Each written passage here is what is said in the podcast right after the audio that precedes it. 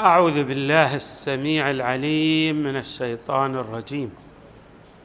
بسم الله الرحمن الرحيم والحمد لله رب العالمين. والصلاة والسلام على أشرف الخلق سيدنا ونبينا محمد وآله أجمعين الطيبين الطاهرين. قال الله تبارك وتعالى في القرآن الكريم انا اعطيناك الكوثر. فصل لربك وانحر. ان شانئك هو الابتر.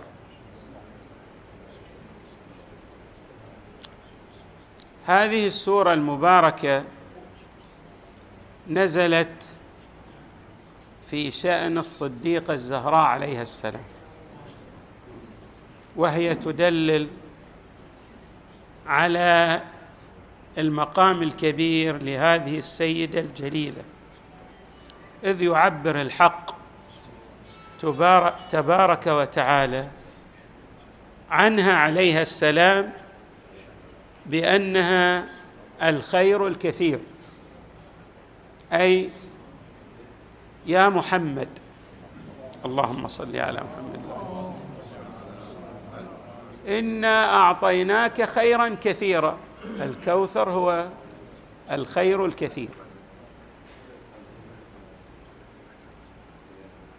والحق تبارك وتعالى يمتن على نبيه صلى الله عليه وآله بهذا العطاء. يقول أعطيناك خيرا كثيرا. بمعنى أن هذا الخير لا نهاية له في حدود عالم الإمكان. يسميه الحكماء اللامتناهي الإمكاني. الذي لا يتناهى هو الله. ذلك في عالم الوجوب. ولكن ممكن أن نطلق مجازا على الشيء الذي لا يتناهى وهو ممكن بأنه لا يتناهى من حيث أن أعداده من الكثرة كلما فرضت عددا فأنت ممكن أن تفرض عددا يغايره. فنسمي هذا اللامتناهي الإمكاني. والصديقه الزهراء عليها السلام لا شك أنها ترتب عليها خير كثير. من هذا الخير الكثير أن الله تعالى جعل ذريتها جعل الأئمة من ذريتها.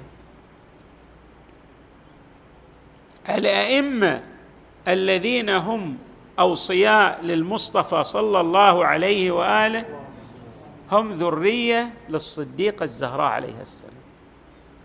هذا أحد معاني الخير. أيضا واحد من الأئمة صلوات الله وسلامه عليهم أجمعين وهو الإمام المهدي عليه السلام يملأ الله به الأرض قسطا وعدلا كما ملئت ظلما وجورا. وهذا هو أيضا خير كثير.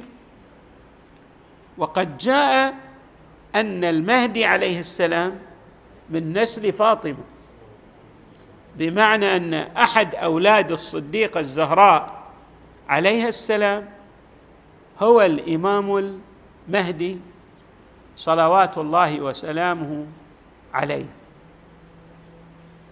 أيضا من الخير الكثير الذي ترتب على الصديقه الزهراء صلوات الله وسلامه عليها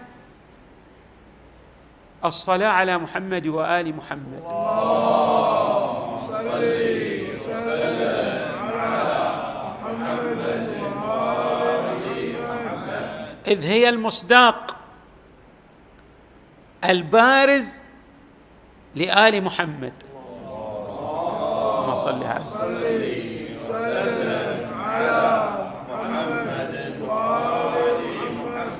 وكلما صلى مؤمن على محمد وآل محمد كلما حصل على خير كثير لا حد له. ولهذا ورد من صلى علي مرة لم تبق من ذنوبه ذرة. اللهم صل وسلم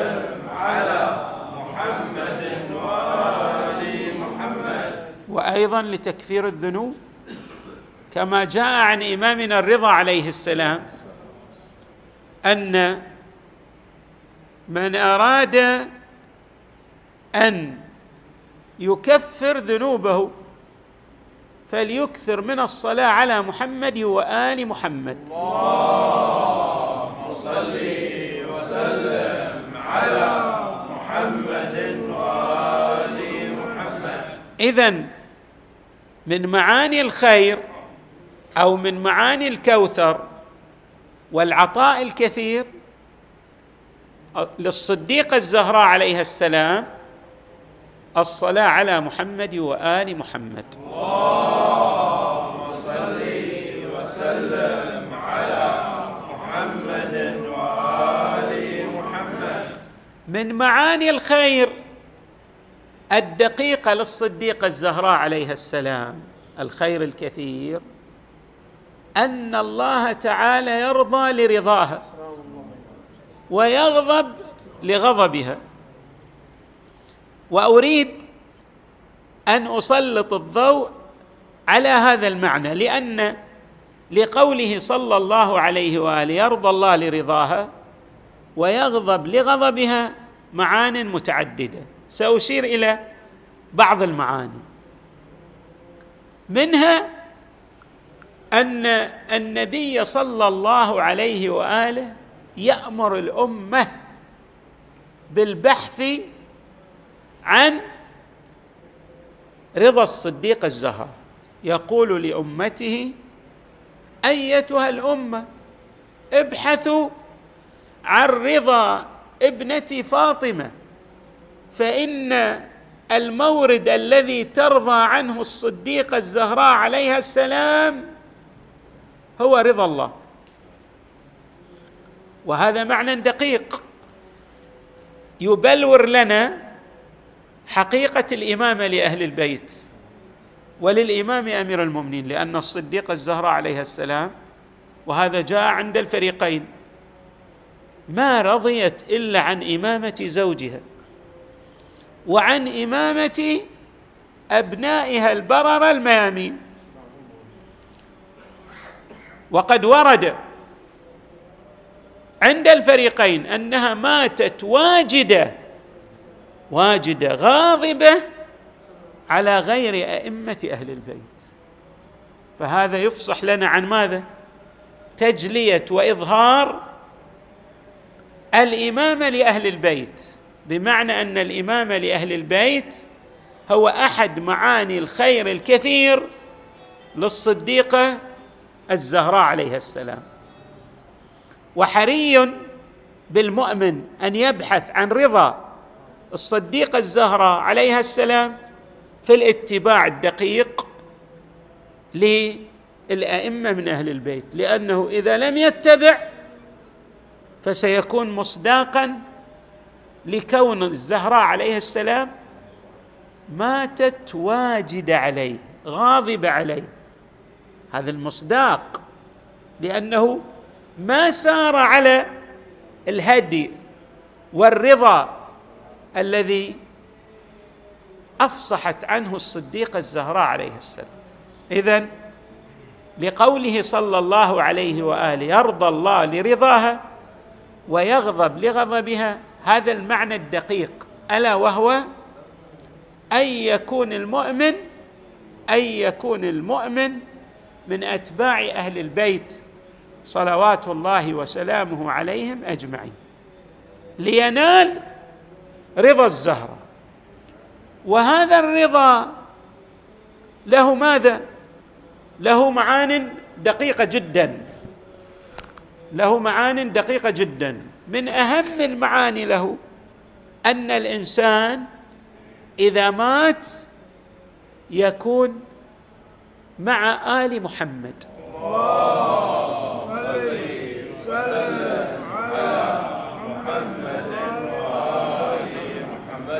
وقد جاء في مصادر الفريقين من مات على حب آل محمد مات شهيدا. من مات على حب آل محمد مات مغفورا له. من مات على حب آل محمد يزف إلى الجنة كما تزف العروس في ليلة عرسها. يعني يكون مكرم من الملائكة. يكون له ماذا؟ تجله تبجيل إظهار لعظم ومكانة شخصيته. وهذا أيضا معنى دقيق لرضا الصديقه الزهراء عليها السلام ولقوله صلى الله عليه وآله يرضى الله لرضاها ويغضب لغضبها. نحن طبعا في هذه المناسبة العظيمة ميلاد الصديقه الزهراء صلوات الله وسلامه عليها حري بنا أن نلتفت إلى هذه المعاني. ومن أهم المعاني التي ينبغي أن نلتفت إليها مسألة الاتباع الدقيق لأئمة أهل البيت صلوات الله وسلامه عليهم أجمعين. هذا أحد المعاني الدقيقة. والذي يشير إليه صلى الله بل يفصح عنه قوله صلى الله عليه وآله يرضى الله لرضاها. وأيضا مسألة الصلاة على محمد وآل محمد كما أبناه فيما سلف. لأن الله تبارك وتعالى يبلور لنا هذا المعنى بقوله تعالى إن الله وملائكته. يصلون على النبي. يا أيها الذين آمنوا صلوا عليه وسلموا تسليما. نسأل الله. على محمد وهذا المعنى قبل أن أختم ورد في حديث للمصطفى من صلى على ابنتي فاطمة ألحقه الله بي في درجتي في الجنة. يعني يكون مع مع محمد وآل محمد. الله صل وسلم على محمد وآل محمد في هذه المناسبة السعيدة ميلاد الصديقة الزهراء عليه السلام نسأل الله أن يجعلنا وإياها مع أبيها وبعلها وبنيها وأن يختم لنا بالحسنى وأن يجعلنا مع محمد وآل محمد في الدنيا والآخرة بحق الصلاة على محمد وآل محمد. اللهم صل وسلم. وآل